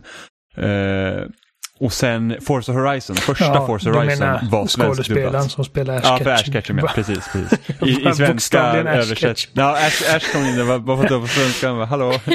eh, nej, utan han som har rösten till Ash Ketchum eh, i svenska Det var väldigt förvirrande faktiskt. Svenska animen. Ja, men jag tänkte att det kanske ni hade förstått. Eh, och sen Forza Horizon eh, hade också svensk dubbad. Ja, var dubbad på svenska helt enkelt. Eh, och, och det gick inte heller att ändra, så att då måste man ändra, ändra systemspråket i maskinen. Det är därför jag kör allt mitt på engelska. För att jag vill inte hamna i en situation där jag får höra cringe i svenska eh, när man inte vill göra det. Jag kör också Ja. engelska. Men samtidigt, Eh. alltså det känns som att i vissa fall så är jag rädd på min maskin att det är någonting som jag inte ska förstå helt när det uppstår vissa situationer. Så därför försöker jag att eh, ha det på svenska för att jag ska vara säker på att jag liksom ska kunna lösa olika typer av problem om det uppstår. Det är rätt så spännande för jag tänkte att det är bra att jag har det på engelska för då får jag all, all terminologi på engelska. Vilket Eller gör när jag hur? googlar efter problemet då, då kan man hitta det. Det är Ja, det är exakt det som jag tänkte. För att det har varit ett par gånger som jag har varit tvungen att gå in liksom typ på och googla grejer och så är det bara... Uh, och du har haft det på svenska då, förut. Och så är det liksom att, men, alltså vad, vad kallar de det här på? Eh, för att jag har termen på engelska. Vad är det översatt till svenska? Så jag bara bytt över till engelska. Det ska bli spännande att se Housemarks nya spel Returnal. Jag tänkte precis typ- fråga det. Vad, vad, vad tror ni om det spelet? För det är ju mer Det ett- ska väl släppas i år va? Ja, det är tanken. Ja, för Det det, har jag ju- totalt missat. Mm. Alltså det, det är så att så som jag har förstått det så är det typ en roguelike. Och det är deras första liksom spel som är, är liksom, Mer realistiskt. ja men alltså det är på en, det är på en större skala, det är inget litet så här poängplockarspel utan det, det, Nej, det det, det ser ut som en större, liksom. Ja, och ser ut som en större produktion. Eh, och det är bara frågan om, för det, ska, det ska ju kosta fullpris, men det är den här roguelike elementet i det som jag vet inte om jag är så himla förtjust i. Jag vet jag har ingenting om det förutom liksom bara hur det ser ut på ett ytligt plan. Ehm, 19 mars 2021 precis. står det. Får vi se om vi har en Eh. PS5 till dess. Jag misstänker njet. Alltså, jag har ju fortfarande min bokning på webbhallen och jag har sagt att ni ska få den. Har du hört någonting från webbhallen? Ingenting. Inte jag heller. Det är så sjukt. För att det är så här att jag förstår att de inte har maskiner, men liksom att vi inte har hört någonting från veckan innan launch är liksom... Inte ens en rätt. estimate liksom. Nej, nej men inte, inte bara så här att hej, vi säger att du har en bokning på en PS5, vill du fortfarande ha kvar den bokningen? Eller det är så Ja. att vi vet att det tar tid, vi, har, vi arbetar med att få liksom fram så mycket, många konsoler som möjligt och eh, vi vill, för att då fick man ju reda på ungefär vart någonstans i kön de hade liksom hunnit med de bokningar de hade fått och, och hur många som, men alltså, jag har ingen aning, det är liksom, det står helt still. Så att eh, så man, man får ju se. Det- det- Elgiganten har ju sån här lotteri nu flera gånger så vi har försökt vara med där Mm. varje gång de har haft det men ingen tur än så länge. Nej, man alltså- kan ju hoppas att vi får en i alla fall innan Ratchet Clank. Ja, men det känner jag Det också. känns som att det är det viktigaste. Jag vet, men alltså det, det, jag misstänker att Ratchet Clank, om det kommer i år, alltså det skulle komma launch window, så känns det ju som att mars-april börjar liksom närma sig. Mm. Och, och jag trodde ju typ så här att, ja men, när kan man köpa en PS5? Jag trodde fan det skulle typ vara vid mars, att då, då är det ganska lugnt att kunna få tag i en maskin, men alltså jag tvekar ju på det alltså. Alltså det ser så otroligt skralt ut. Ja, fast i och för sig, vi vet inte hur skralt det är eftersom vi inte vet någonting. Nej, det- det- det är i och för sig helt sant. Så att det är liksom så här, vi skulle lika bra kunna vara så att webbhallen kan skicka ett mejl imorgon bara att nu är det er tur att få den här PS5 som ni har bokat men det kan också liksom vara först typ i juni. Ja, men det känns himla tråkigt när det är sån bristande kommunikation för att man vet absolut inte vad man kan förvänta sig överhuvudtaget. Och jag tror att det ligger nog dem i fatet också för att det kan ju vara så att man söker sig till andra för att köpa sin konsol där istället om man inte får någon form av information. Och en bokning är ju inte bindande. Nej, jag misstänker att de får in alldeles för lite mas- maskiner mot vad de tror eller skulle vilja ha så att de kan inte gå ut och säga det för att folk hade blivit arga. Jag skulle, jag, Så blir de ju arga oavsett så de kan ju inte Men jag vinna. hoppas att de glömmer bort och typ boka någon annanstans istället. Ja, det, det, det, det, det är en väldigt märklig situation. Sen vet jag, Series X tror jag man kan få tag i rätt så enkelt om man lägger en bokning så kommer det nog inom de närmsta månaderna. Liksom. Men som sagt, det, The Medium är första spelet som eh, jag, jag vill spela som jag inte kan spela just nu. Och då är inte jag så här, då inte jag någon så här superhype på The Medium utan det är så här, Nej, att det ska vara kul att testa. Eh, Jag kommer testa jag- det, men eh, så att man får, så får man se vad det får betyg också. Får det så här sexor, då är det så här att, ja men. Ja visst, det finns på Game Pass men då behöver jag liksom inte känna att jag missar någonting stort. nej. Om man säger så. Men eh, Oliver, du har ju spelat årets första stora släpp med Hitman 3. ja, det har jag. Eh, och paradoxalt nog så är det först nu jag har också tagit tag i mitt Hitman-spelande själv. För jag spelar det. jävligt mycket av ettan. Jag blev, så här är det. Det finns en bana i Hitman 3 som jag vill spela väldigt mycket och det är den här när man ska försöka lösa ett mordmysterium. Mm, Jag blev så pepp när jag hörde den idén och jag var så här bara, gud, det där vill jag spela. Men jag kan inte köpa Hitman 3 och spela Hitman 3 utan spela Hitman och Hitman 2. Så jag måste ju börja någonstans. Så jag spelar Hitman 1 och jag spelar jävligt massa Hitman 1. Jag är helt hooked nu alltså. Visst är det bra? Ja, alltså det är det enda du gör när du har din fritid liksom. Ja, spela Hitman ja. Jag, jag har tagit, nu ska se, jag har kört Mastery på varenda nivå nu fram till Colorado. Så jag har Colorado och Hokkaido kvar. Vilken dag var det du började med ditt Hitman-spelande? Måste ha varit eh, mitten av förra veckan någon gång tror jag. Ja men precis, för att jag tog en eftermiddagslur, tittade upp och bara fan det här känner jag igen. Jag Somnade, kollade upp igen och bara du spelade Hitman på riktigt, det var inte att jag bara drömde Ja, det. Spela Hitman. Jag, jag tror- jag tror- eh, ha- hade i och för sig rekommenderat att du bara liksom importerar allting till Hitman 3 och kör därifrån. För att Ja, jag- jag- mastery jag måste- levels och grejer kommer ju inte... Så som jag har Eh. förstått det så att eh, när du importerar ettan till Hitman 2 så måste du göra om hela Hitman 1 ändå. Mm, jag, tror att det är jag mellan tvåan, jag tror att det är mellan tvåan och trean det förs över allting. Min Eh, men jag måste progression på Hitman 2 kunde jag få över till Hitman 3. Ja, precis. Precis. Eh, men jag måste ju fortfarande spela Hitman 2 och det måste jag ju köpa. Ja, Eh, och jag tänkte att, ja men visst jag skulle kunna köpa Hitman 3 och Hitman 2 och sen importera allting och köra allting i Hitman 3 men samtidigt, jag vill ju se framstegen i varje spel. Så jag vill ju se liksom, okej det här funkar i ettan, hur funkar det i tvåan och hur funkar det i trean? Så jag vill ju köra allt liksom i ordning. Och jag blev väldigt investerad i storyn också, jag tyckte det var skitspännande. Så att jag måste ju få se hur det går, så jag kan inte bara börja på trean.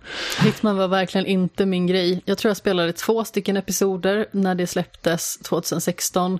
Och jag gjorde det ihop med en kompis som inte heller gillade och vi hade så himla mycket buggar och eh, AIn var verkligen inte liksom rimlig utan det kändes som att all AI var på exakt samma ställe i stort sett. Så alla karaktärer liksom samlades eh, som någon jäkla konferens. Och sen så om man skulle hoppa i en låda, då upptäckte de en typ direkt och alla stod där utanför hur länge som helst och man bara ja, det här är mitt Det här är liv mitt nu. liv nu. det, det Nej, kan jag inte säga att jag känner igen faktiskt, men eh, Men jag tror Eh, att det var, jag tror men det att det fanns en, jag tror att det fanns en del buggar i början när det Det släpptes. fanns jättemycket buggar, vi fastnade i saker och eh, saker gick sönder och kunde liksom inte återställas, det var helt För, hopplöst. för att så som jag har spelat nu så då, då fungerar det riktigt bra. Alltså, jag tror mitt största problem var att jag inte kom in i Hitman 1. Jag hade gärna hoppat på när det var episodiskt. Att jag hade Mm. fått spela varje episod i sig. Två var ju det så att ah, men det hade varit skitkul att ta alla achievement i ett spel. Hitman är ett sånt spel som har checklistor och sådana grejer. Så man kan liksom bara säga det här ska jag göra, det här ska jag göra, så då kan jag göra det.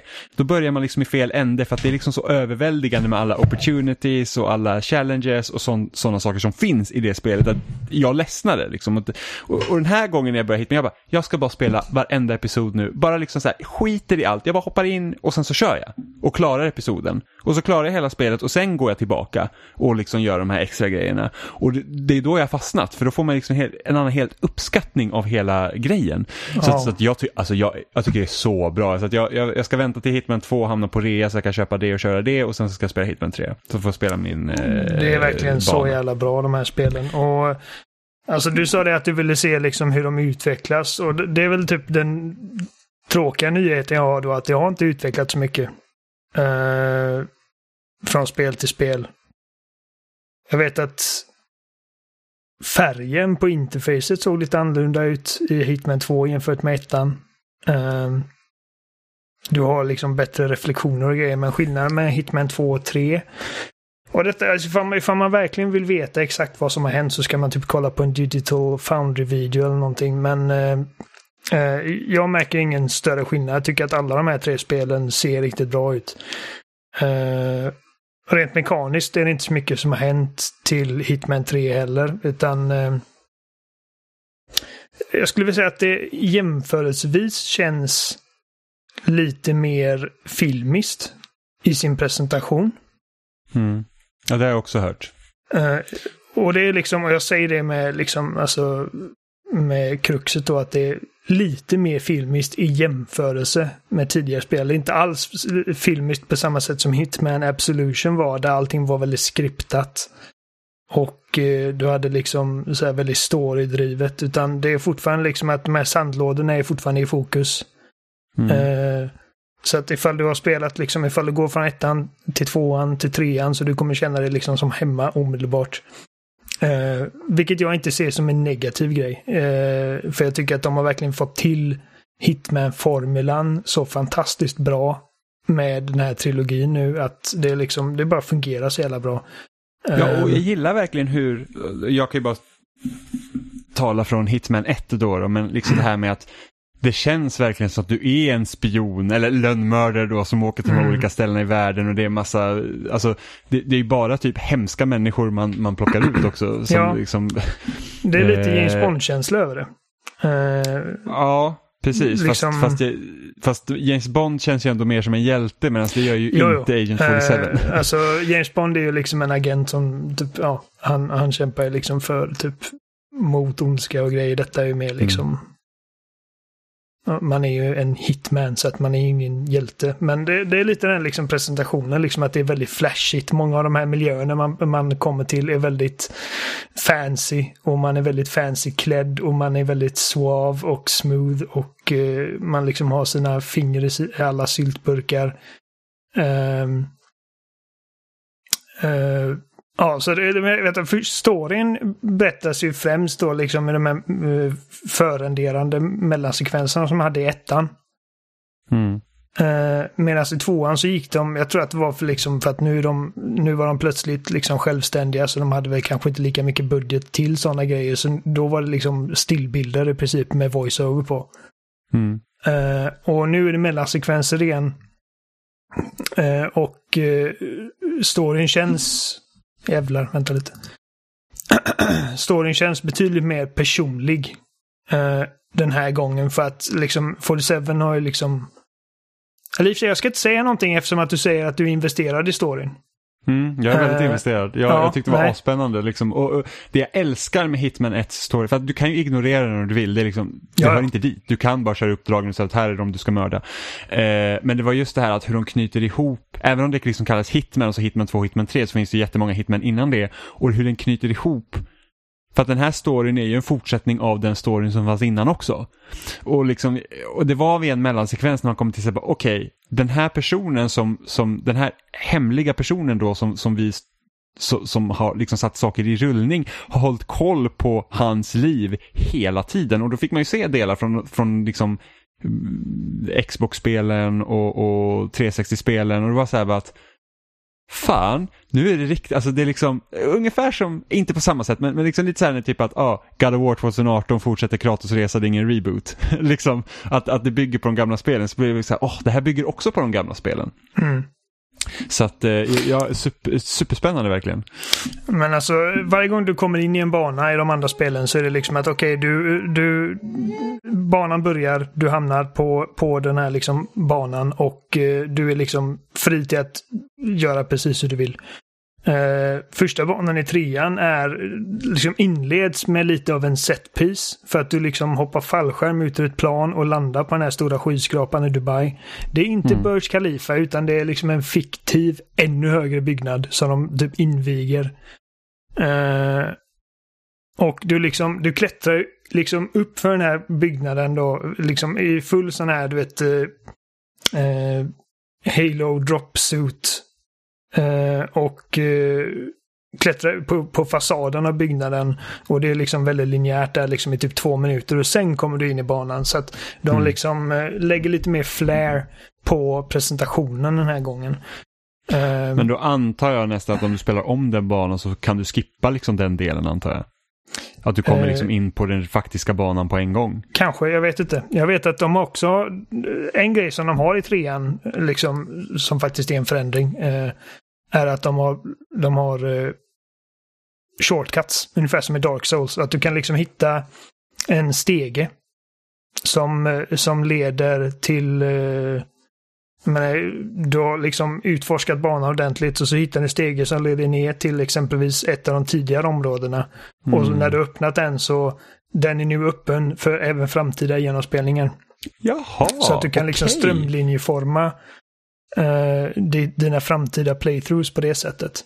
Ja, för det är väl någonting jag känner nu i första Hitman som jag saknar är att det finns väldigt lite utrymme till att faktiskt typ smyga sig genom ventiler och typ den formen av, av stealth.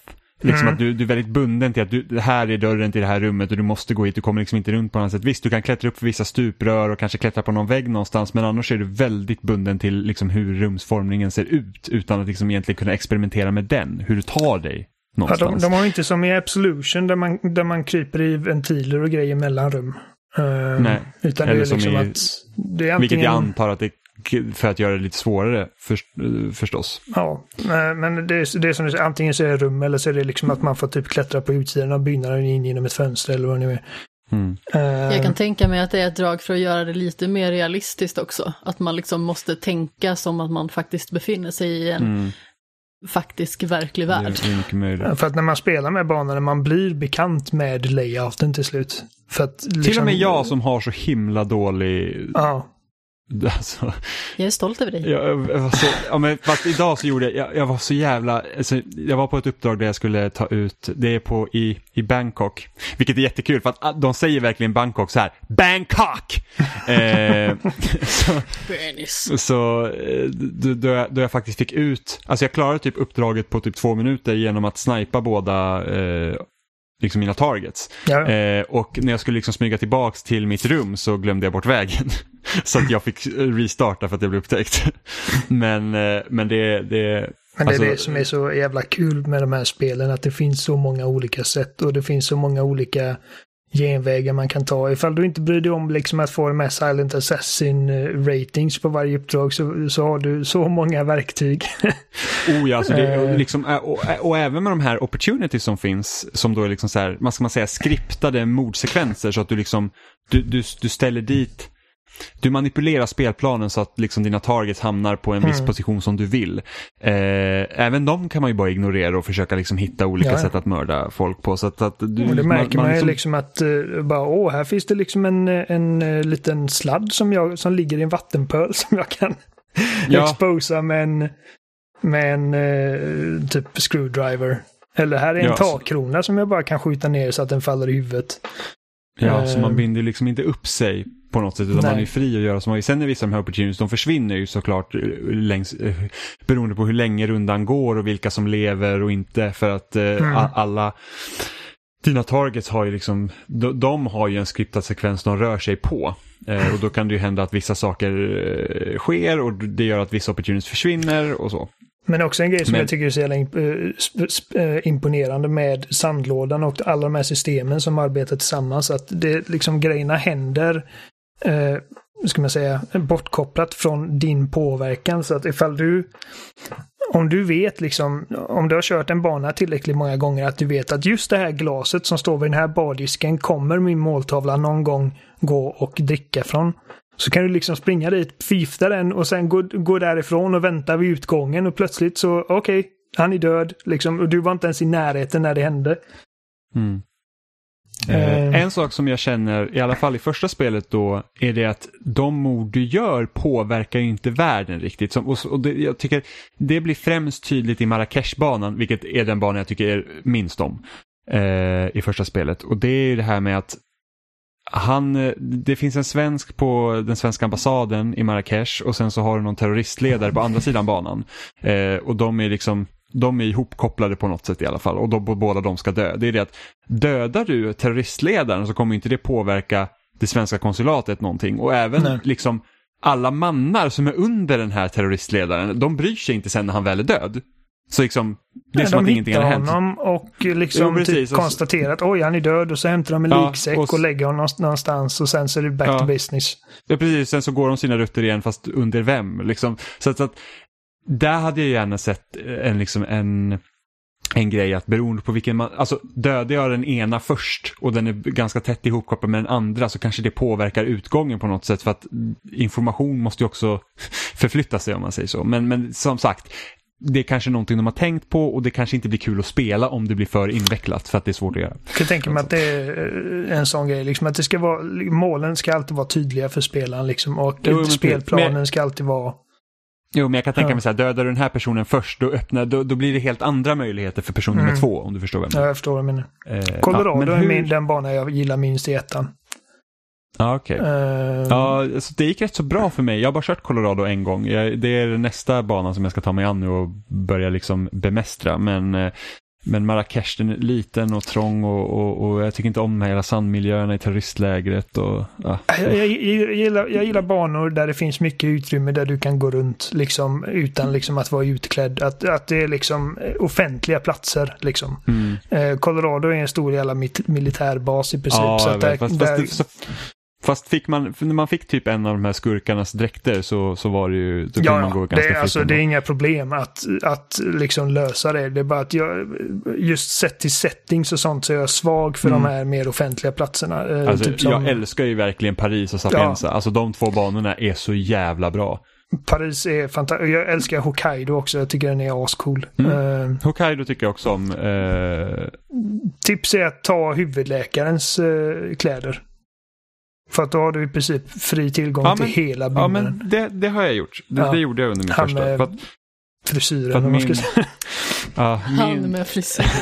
min, min, strategi, min, min strategi liksom när jag kört de här banorna första gången var ju bara att okej jag bara går in i banan och sen så försöker jag liksom observera så mycket som möjligt så tar jag det som det kommer. Ja, Så ja, att men jag tror det, det är att så man klara en bana tar ju typ två timmar liksom. Ja, absolut. Det, det är så Första man gör gången. första gången man är på en bana. Innan man har någon form av liksom koll på läget och spelplanen. Liksom att du, Mm. bara, du går runt och eh, bara tittar på vad karaktärerna gör. Lyssnar på folks konversationer. För att liksom alla konversationer i spelet är oftast av en anledning. Liksom att du ska få någon form av information som du kan använda.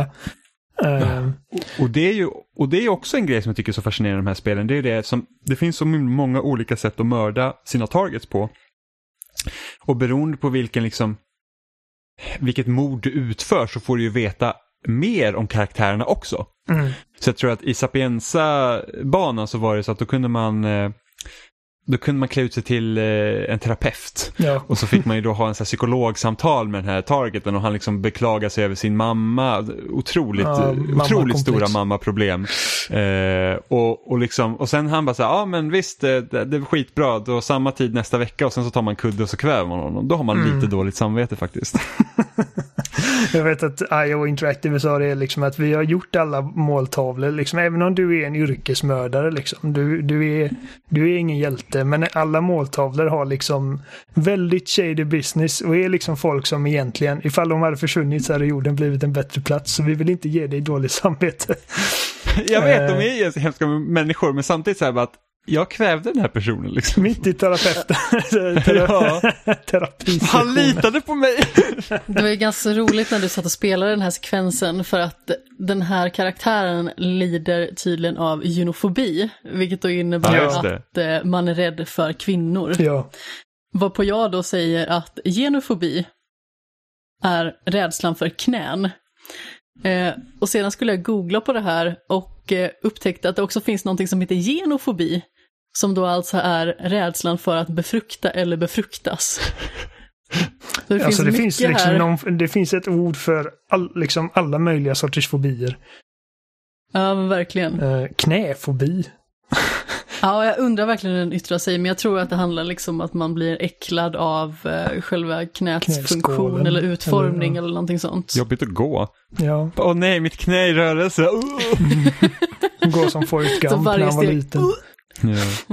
Eh, ja, men det finns, det finns så många olika eh, roliga sätt. eh, och Typ som på, första banan i Hitman 3 Dubai. eh, så kan du liksom bara simpelt. Det, det, vad jag vet är inte detta eh, liksom knutet till en viss liksom opportunity eller mission story som de kallas i tvåan och Mm. trean.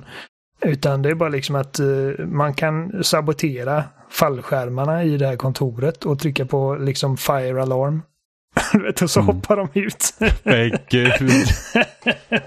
man bara tittar på dem och liksom de drar i snöret och ingenting händer. Alltså, man, så här är det, när man har lagt upp för ett mord, det går ju inte att inte stanna kvar för Nej, att se. man vill ju se, måste ju. liksom.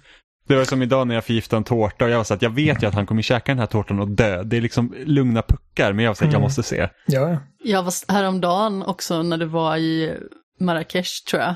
Och eh, det var en person som skulle typ sprängas i luften för att du lättade på trycket i en gasbehållare. Och så är det typ en sån här eh, eh, lampa bredvid, det var en petroleumlampa typ eller någonting Ja, sånt. precis. Det var en oljelampa ja. Ja, och eh, då ställde du dig typ på en liten skarv utanför fönstret och kikade in så i väntan på att han skulle sprängas i luften. Ja. Ja men det är så, ifall man, ifall man liksom observerar sin måltavla och märker att ja, men han ställer sig liksom här på bakgatan och typ röker en cigarett så här var, var 20 minut och så bara okej det står en moped där, då gör jag liksom en oljeläcka och så bara poff. Ja. Det- ja, nej, Men- det är kul. Hur tycker du liksom att, för att, för att man kan ju se liksom att i första Hitman då att de leker lite med olika idéer under varje episod. Liksom, du har i Paris här stora modeshowen och sen har du liksom hotell och sen har du den här militärbasen där, där du måste gå i förklädnad för att bli sedd. Hur tycker du liksom att den progressionen har gått genom serien, liksom rent kreativt med liksom hur banorna utformas och liksom vad möjligheter som finns?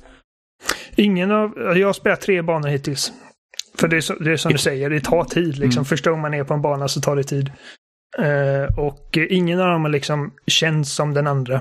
Eh, Mm. Så Dubai var som sagt, den var lite mer strömlinjeformad. Eh, och jag är säker på att det finns en miljard andra sätt att klara det på. Eh, den första grejen jag märkte var att det var betydligt färre sådana här, du vet, för man har ju liksom en lista på opportunities att göra på Mm. varje bana. Och det är bara tre på varje bana den här gången. Oj. Men min teori är liksom att varje, varje av de här olika opportunities eller mission stories som de kallas eh, är mer invecklade och mer utstuderade. Så att hela det här Mm. Sen- mordmysteriet är bara en opportunity.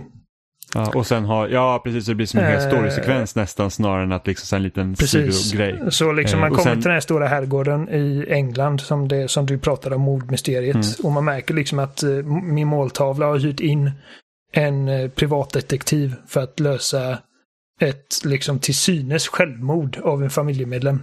Och Mm. liksom, så det är ett sätt liksom att komma nära din måltavla.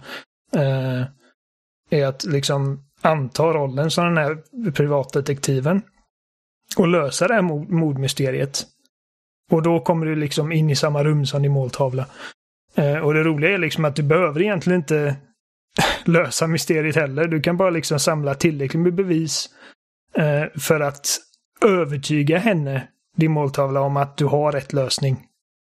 Mm. Eh, så att det är liksom, det är bara en möjlighet på den här banan då med mordmysteriet. Så det är liksom, det är inte det vad banan handlar om egentligen. Nej, Eh, men det var det som fick mig liksom att bli väldigt intresserad ja, men och det testa. var jävligt kul. Så man går runt Ja. i det här huset och liksom undersöker allas eh, rum och liksom läser folks dagböcker och eh, förhör folk och sen så liksom eh, stämmer man liksom försöker man stämma de här eh, liksom vittnesmålen då med liksom andra fakta för att se ifall de ljuger eller ja. Eh, så det var jävligt kul. Och sen den tredje banan var också helt annorlunda för där är det inget särskilt kontrakt på någon du ska ha utan du vet att ICA vet vart du är. Alltså din, din liksom, du är på rymmen i princip i det här spelet. Ja, okej. Eh, okej. Och eh, ICA är nu ute efter dig. Och du vet liksom att de vet vart du befinner dig. Så att de har skickat ut ja, hur många agenter nu, nu är. Så att dina måltavlor är liksom de här ICA-agenterna. Så du måste först, du vet för det första inte vilka av alla de här karaktärerna på den här banan som är dina måltavlor. Och du vet inte hur många de är. Eh, Gud, det låter ju jättespännande och stressigt. Ja, det, det är stressigt. Så att den banan kunde jag inte ta. Liksom. Jag, jag sprang runt där en timme och, försökte, och så hittade jag, okej, här är en snubbe. Man liksom...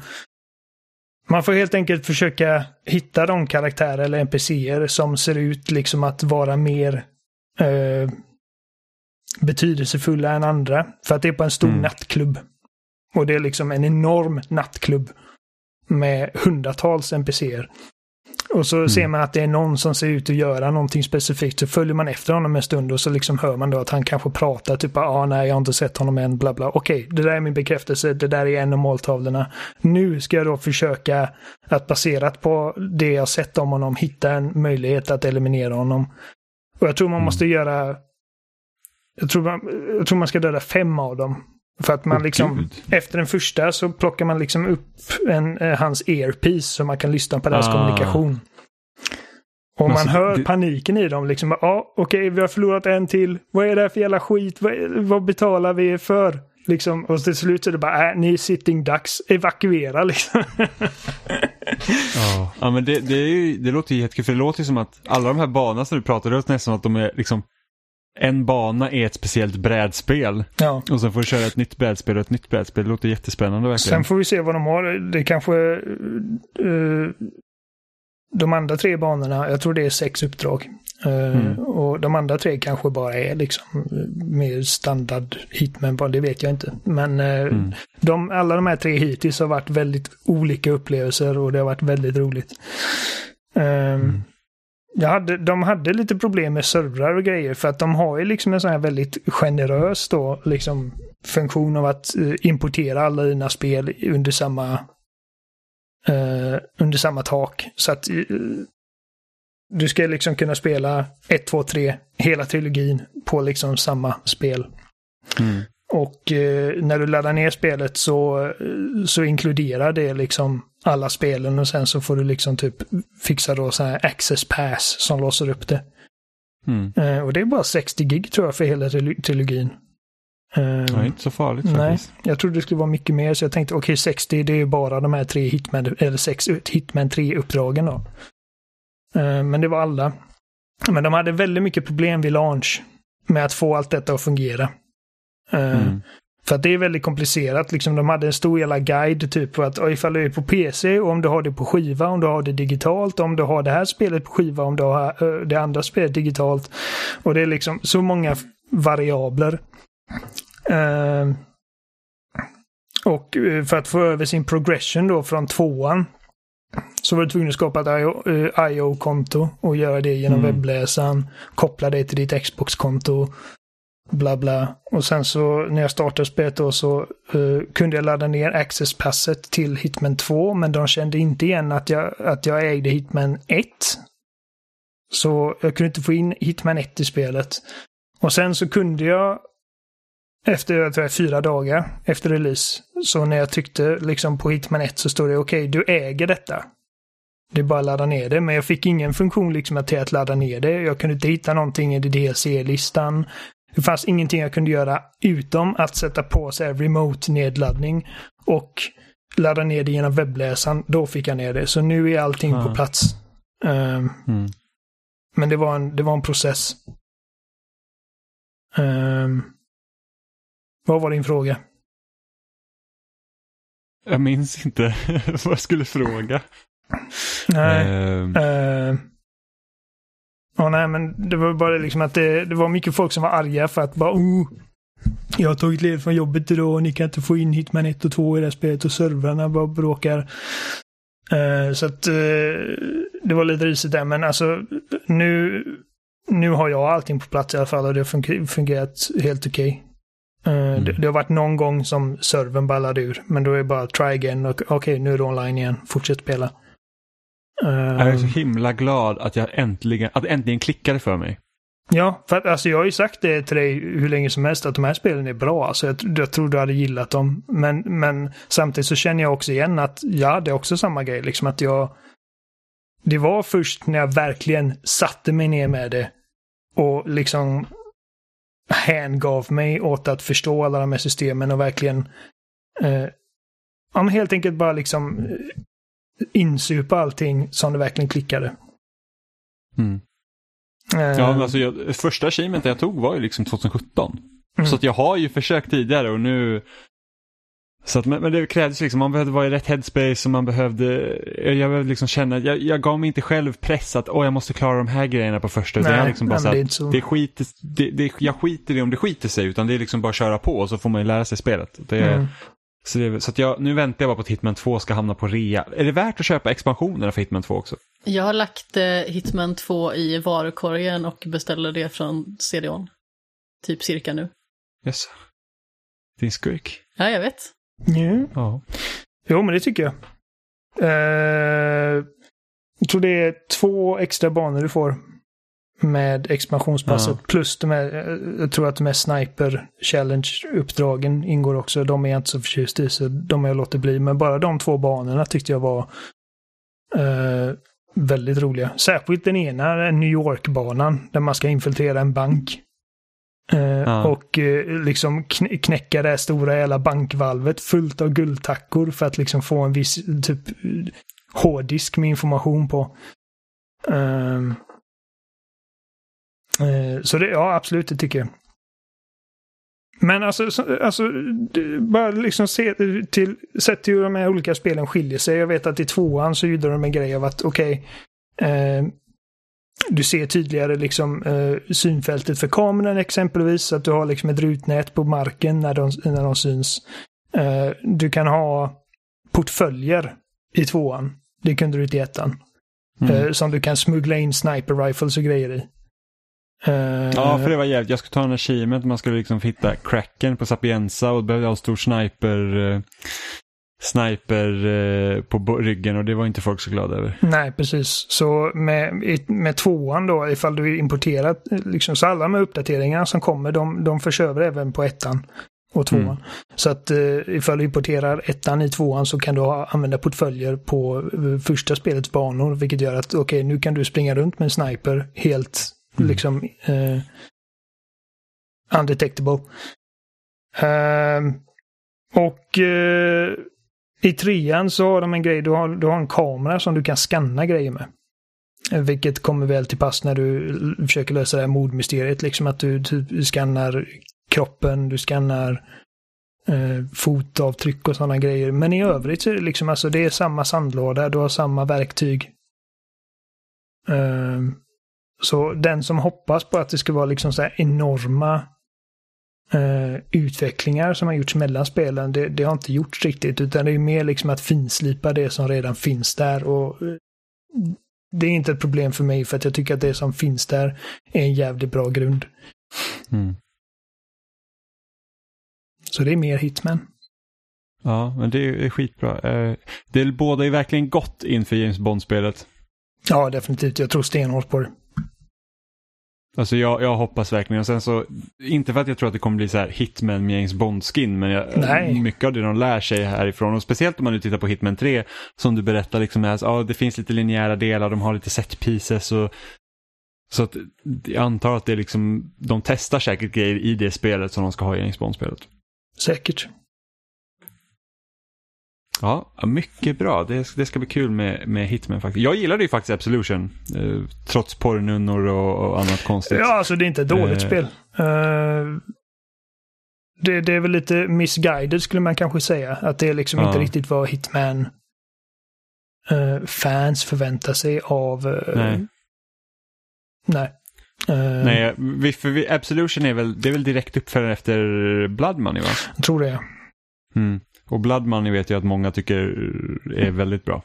Ja, ja men det, det, det var väl där som, jag känner, som många känner kanske att den serien pikade liksom. Och sen vet jag att eh, folk tycker liksom att eh, de har ju kommit tillbaka till de, de storhetsnivåerna med den här trilogin.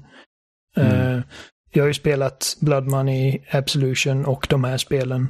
Uh, Silent Assassin, det andra spelet har bara spelat lite grann. Men alltså jag tycker att de här nya spelen är ju liksom, alltså Hitman har aldrig varit bättre.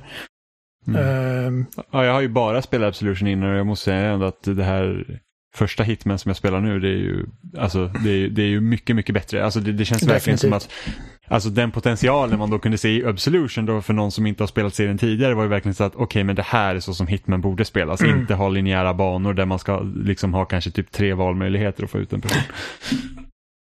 eh, Ja men vä- väldigt roligt. Mm. Nej, men det, det är kanon verkligen. Och det var väl allt vi hade för den här veckan. Ja. Har vi sparkat igång 2021 med Hitman 3. Jag vet att det kommer ett spel på imorgon tror jag som heter Cyber Shadow som, som jag är nyfiken på. Ja. Som är, eh, det är faktiskt eh, utvecklaren av Shovel Knight som är utgivare på spelet. Ja, just det. är det ninja-spelet va? Ja, det blir Ninja Gaiden, Ja. eh, NES-liknande grejen. Så det, Ja, det, det ska bli spännande. Jag, jag tror att det kommer till Game Pass också. Cool. Ja, då blir det och The Medium nästa vecka då. Mm, Mycket möjligt. Eh, ni hittar oss som vanligt på spelsnack.com. Där finns också länkar till alla ställen vi finns. YouTube, Spotify, eh, Apple Podcast och eh, RSS-flöden till er Android-telefon. Eller Android-maskin kanske man ska säga. Eh, ni kan också mejla till oss på kontakt.spelsnack.com eller byta ut kontakt mot några av våra förnamn spelsnack.com. Ni kan också kommentera på loading.se där avsnitten går upp varje vecka eller på YouTube eller på Twitter spelsnackpodd eller på Instagram där vi också finns. Så hörs vi igen om en vecka. Det gör vi. Ja, Hej då! Ja, jag är Amanda, ja. Jag leker svensk som amerikanerna tycker, ja. Vad händer nu?